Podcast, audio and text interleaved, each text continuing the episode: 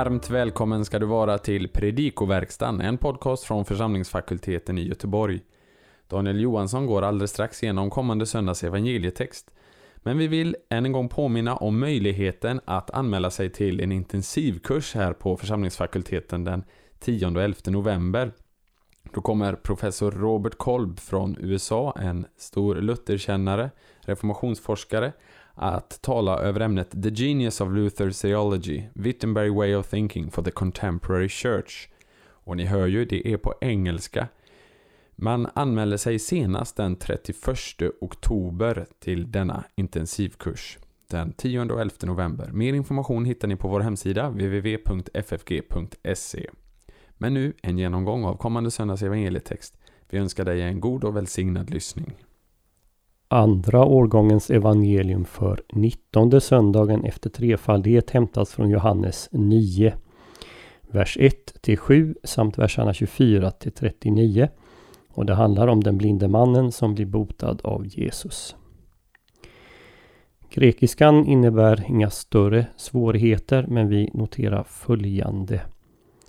I den andra versen har vi en hinnasats, hinna tyflos genethe den uttrycker resultat så att han blev blind. Medan hinna-satsen i nästa vers, vers 3, hinna fanerothe, eh, den uttrycker syfte för att Guds gärningar ska uppenbaras.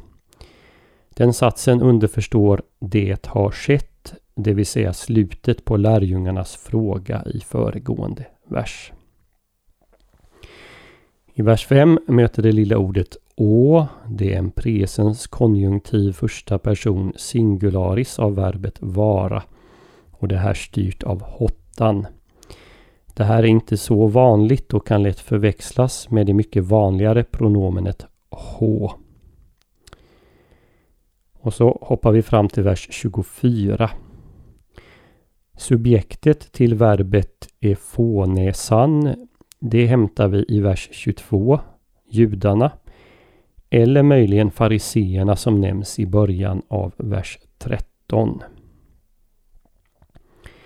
Och så går vi till vers 27. Me kai hymeis thelete. En fråga som inleds med negationen med förväntar ett nekande svar. Vers 30 en toto gar to eh, thaumaston estin är lite krånglig grekiska.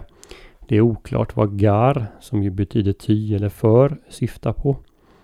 Ordagrant står här För det märkliga är i detta. Vers 31 Hamartolon eh, Syndare står i genitiv pluralis därför att verbet ako tar sitt objekt i genitiv vers 32. Frasen ek to aionos förekommer inte någon annanstans i Nya Testamentet. Betydelsen torde vara från världens skapelse eller från världens begynnelse. Svenska översättningar översätter med aldrig. Vers 34. En hamartiais sy egenetheses holos kaisy didaskeis eh, hemas. Den här satsen kan vara både fråga och påstående. De svenska översättningarna tar det som ett påstående. Du är helt och hållet född i synd och du undervisar oss. Men i utgåvan av den grekiska grundtexten indikeras en fråga. Till sist i vers 38 möter vi verbet pros e kynesen. Här översätter Bibel 2000 med falla ned för Jesus medan folkbibeln översätter med tillbe. Båda är möjliga men sammanhanget talar för att mannen gör en gradvis eh, upptäckt av vem Jesus är och att denna till sist mynnar ut i just tillbedjan. Det skulle tala för folkbibelns översättning.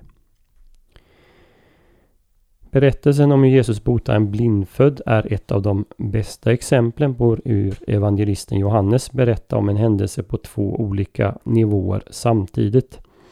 För på samma gång som den blindfödde stegvis blir helad från sin fysiska blindhet blir han också stegvis helad från andlig blindhet.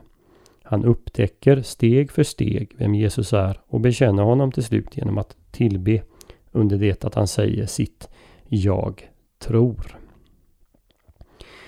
Berättelsen hänger samman med föregående kapitel i Johannes evangeliet eh, där Jesus för första gången kallar sig för världens ljus. Han upprepar det epitetet, ja i, vers, i kapitel 8 så är det i vers 12, 8-12. Och det här epitetet, eh, epitetet eh, upprepar Jesus om sig själv i 9.5 innan han påbörjar öppnandet av mannens ögon. Världens ljus öppnar en blindfödds ögon fångar väl innehållet i dagens evangelium. Då mannen är blindfödd är helandet mer än bara ett återställande. Det handlar om en skapelseakt från världens ljus. Utifrån den text som vi har i evangelieboken så kan vi strukturera läsningen på följande sätt. Första delen handlar om helandet av en blindfödd. Det är verserna 1-7.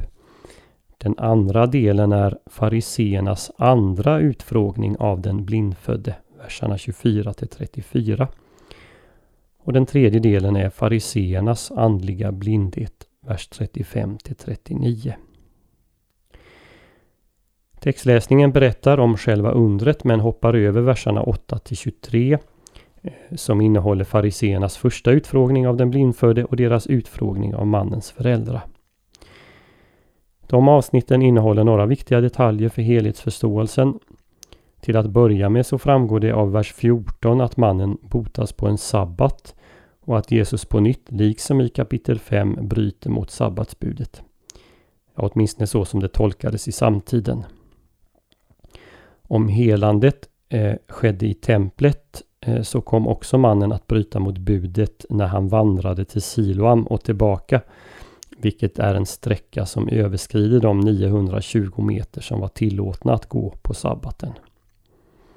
Men det vet vi inte säkert om han helades i templet även om helhetskontexten i Johannes talar för det.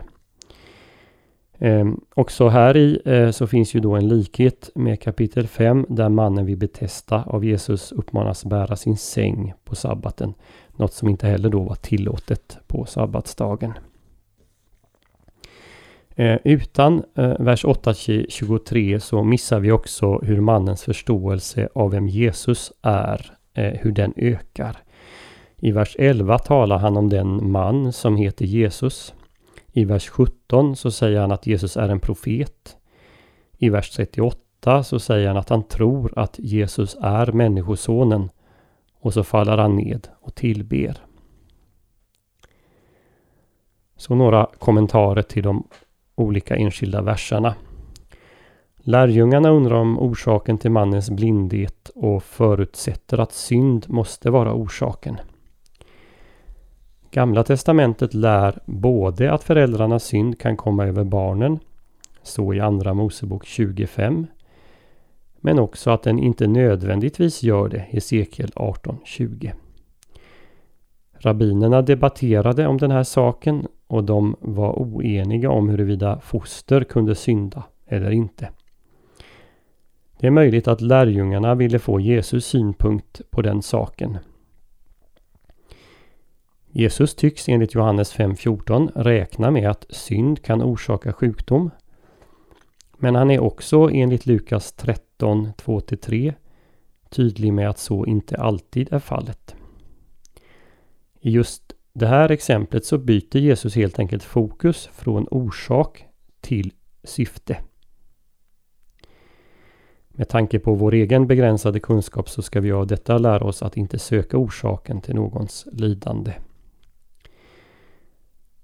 Gamla testamentet ger inget exempel på att någon blind botas. Däremot utlovar Jesaja 35.5 att Gud själv en dag ska besöka sitt folk och hela just blindhet. Den närmaste parallellen finns väl i Tobits bok i Apokryferna där Tobit botas från en tillfällig blindhet orsakad av eh, droppar från fåglar.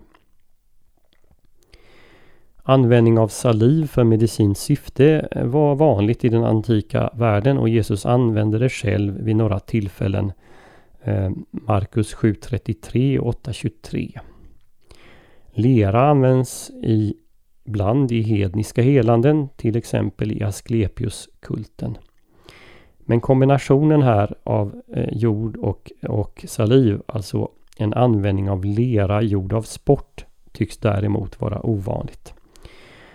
Men det är något som Johannes betonar. Han betonar det genom att omnämna det här hela fyra gånger. Också där man kan tycka att det är överflödigt i vers 14. Så det nämns i vers 6, 11, 14 och 15. Det är möjligt att Johannes vill rikta eh, vår uppmärksamhet mot Gamla Testamentet där Gud är krukmakaren och människan är leret. Ehm, det här möter vi ju i Jobb 10.19, Jesaja 45.9 och 64.8. Ehm, Jeremia 18.6 och i Syraks bok 33.13. Kanske här också finns en anspelning på människans skapelse från stoft i Första Mosebok 2.7. Varför skickas mannen till Siloam? Johannes översättning av namnet Siloam, utsänd, indikerar vad det handlar om. Jesus är den som är sänd från Fadern. Det har vi stött på tidigare i 8.16, 8.18, 8.29, 8.42 och 10.36. Ehm, men också det finns en likhet med Naman i Andra Kungaboken 5.10-14 i det att mannen måste lyda och gå och bada. Här finns sannolikt också eh, liksom i Johannes eh, tredje kapitel en anspelning på det kristna dopet. Lägg också märke till hur det som följer på själva helandet har karaktären av en juridisk process. Vittnen kallas in, förhör hålles. Var mannen verkligen blind? Är det ett riktigt under som har hänt? Fariseernas fråga i vers 26 om hur Jesus öppnat ögonen tycks förutsätta en förhoppning om att kunna knyta Jesus till magi eller onda makter. Han har ju både i kapitel 7 och 8 blivit anklagad för att vara besatt. Och då kan vi också notera att frågan om var Jesus kommer ifrån har blivit behandlade i samma kapitel, i kapitel 7 och 8.